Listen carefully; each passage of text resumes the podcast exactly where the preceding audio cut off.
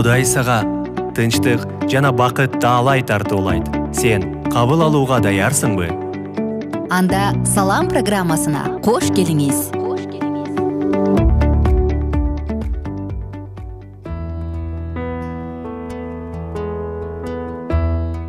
Ассалому алейкум биздин замандаштар баардык э, бизди тыңдап жаткан подкастты тыңдап жаткан угармандарыбызга салам айтабыз. Жана сиздер менен бүгүн кайрадан биз салам деп аталган подкастты баштадык.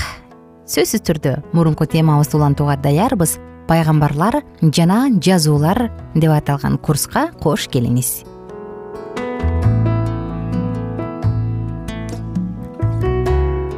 Тандабай же деген сөздөрдү уктуңуз беле?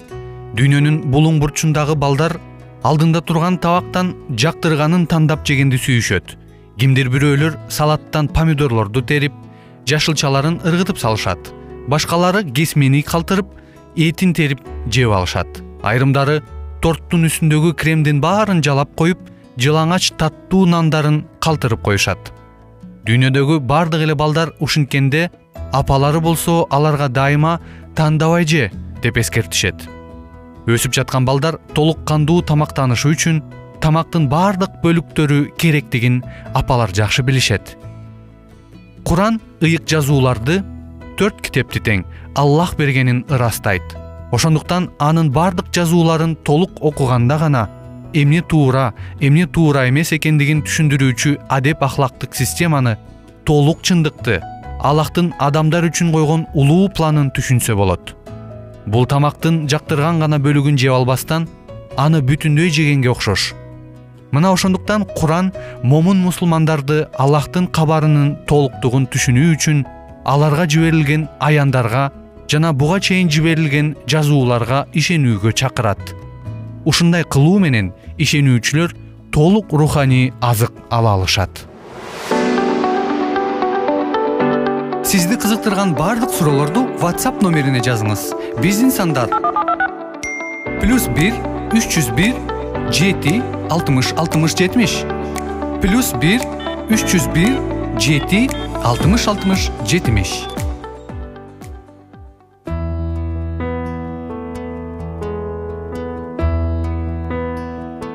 Достор бул кыскача жогоркудагы окуяны уккандан кийин чын эле ар бирибиз өзүбүздүн балдарыбызды же бала чактагы кезибизди элестеттик болушубуз керек. Алдыңа сонун тамактар келгенде мен капуста жебейм сабиз жебейм муну жебейм ал жакпайт бул жакпайт эт эле жейин дейбиз дагы.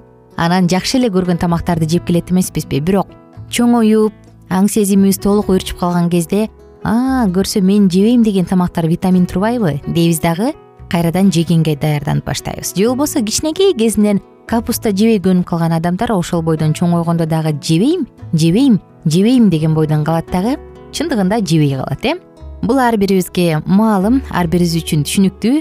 Бирок ошентсе дагы мен бүгүн сиздер менен чогуу угармандар. Ушул баардыгын камтыган система деген теманын тегерегинде сөз кылгым келип турат.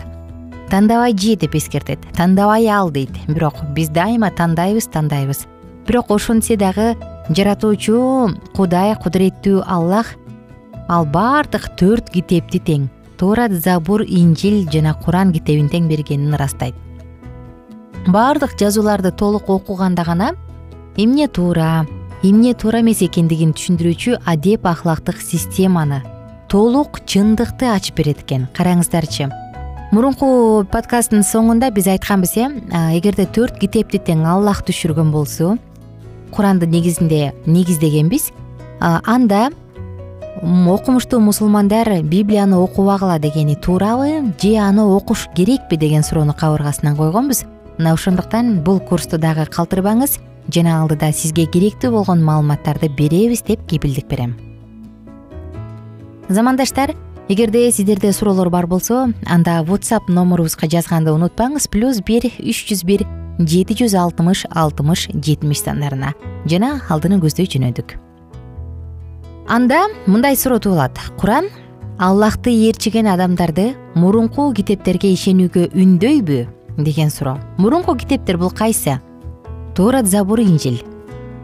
Келиңиздер биз курандын негизинде сүрөнү карай кетели бул китеп анда шек жок. Ал такып алар үчүн да туура жол. Алар кайыпка ишенишет намаз окушат жана биз аларга берген ырыскылардан сарпташат. Алар сага түшүрүлгөндө да сенден мурунку түшүрүлгөндөргө да акырет күнүнө да ишенишет бакара сүрөсү экинчи бөлүм экинчи төртүнчү аяттар. Андай достор чыныгы ишенүүчүдөн эмне күтүлөт? Албетте аларга берилген аяндарга жана мурун жөнөтүлгөн аяндарга ишенүү күтүлөт. Бул чыныгы ишенүүчүлөр. Сенден мурун кандай аяндар жиберилген жогоркудагы китептердин бардыгы албетте. Аллахтын төрт ыйык китебинин бирин четке каккандар тууралуу куран эмне деп айтат? Төрт китептин бирөөнө эле жок бул меники эмес биздики эмес муну окуунун кереги жок дегендерге аллахтын мурунку аяндардын четке каккандарды кандай кесепет күтөт? Келиңиздер биз муну дагы курандын негизинде карап кетели. Эй ыймандуулар! Аллахка анын элчисине. Ал өзүнүн элчисине түшүргөн китепке жана ал андан мурун түшүргөн китепке ишенгиле ким аллахка периштелерине китептерине элчилерине жана кыямат күнүнө ишенбесе ал узак адашууда болот. Ниса сүрөсү төртүнчү бөлүм жүз отуз алтынчы аят жогоруда келтирилген аятта муса пайгамбар тоорат китебин аллахтын өзүнөн алгандыгын айтат.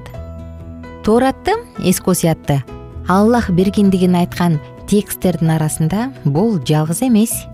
Куранга ушуга окшош куранда абдан көп аяттар бар. Бул тексттер тоорат аркылуу жетектөө жана жарык берилгендигин көрсөтөт. Алардын негизинде жүйүттөр еврейлер еврей деп келебиз э еврейлер соттолгон жогоркуда айтылган берилген аятка ылайык анда. Албетте мындай суроо төрөлөт э? Төмөнкү ырастоолордун кайсынысы туура деген. Бул биздин пайгамбарга гана берилген аяндарга ишенгиле деген ырастоо туурабы. Эч кимдин аяндарына ишенбегиле деген ырастоо туурабы. Же биздин элчибизге берилген аяндарга жана ага чейин жиберилген аяндарга ишенгиле деген туурабы албетте достор биз үчүнчү вариантты тандайбыз. Биздин элчибизге берилген аяндарга жана ага чейин жиберилген аяндарга ишенгиле деген туура. Анткени жогоруда карадык э биз ниса сүрөсүн дагы бир жолу карайлы мындай дейт. Эй ыймандуулар аллахка анын элчисине ал өзүнүн элчисине түшүргөн китепке жана ал андан мурун түшүргөн китепке ишенгиле ким аллахка периштелерине китептерине элчилерине жана кыямат күнүнө ишенбесе ал узак адашууда болот. Ниса сүрөсү төртүнчү бөлүм жүз отуз алтынчы аят. Демек достор бүгүнкү сабактын негизинде биз эмнени кандай жыйынтыкка келебиз? Курандын негизинде ишенүүчү мусулман адам баардык төрт китепке тең ишениши керек жана бул негизделген конкреттүү факт. Биз болсо угармандарыбыздын баардыгын тең алкитап чекит медиа сайтына чакырабыз. Ал жактан биз тууралуу дагы кененирээк сонун маалыматтарды сонун курстарды тапсаңыздар болот. Ар бир жанга тынчтык каалап. Ободо салам уктуруусу замандаштар кош кол булгалап коштошчу учурга келдик. Баардыгыңыздарга көңүлдүү күн каалайбыз. Кийинки биздин подкастта мына ушул теманы улантабыз. ыйык жазуулардын баардыгына ишениш керекпи? Же андай эмеспи? Бизди калтырбаңыздар жана керектүү жашооңузду өзгөртө турган сонун маалыматтарды калтырбаңыздар. Бар болуңуздар бай болуңуздар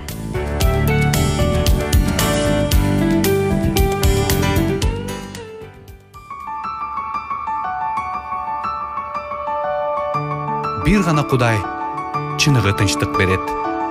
Ободо салам уктуруусу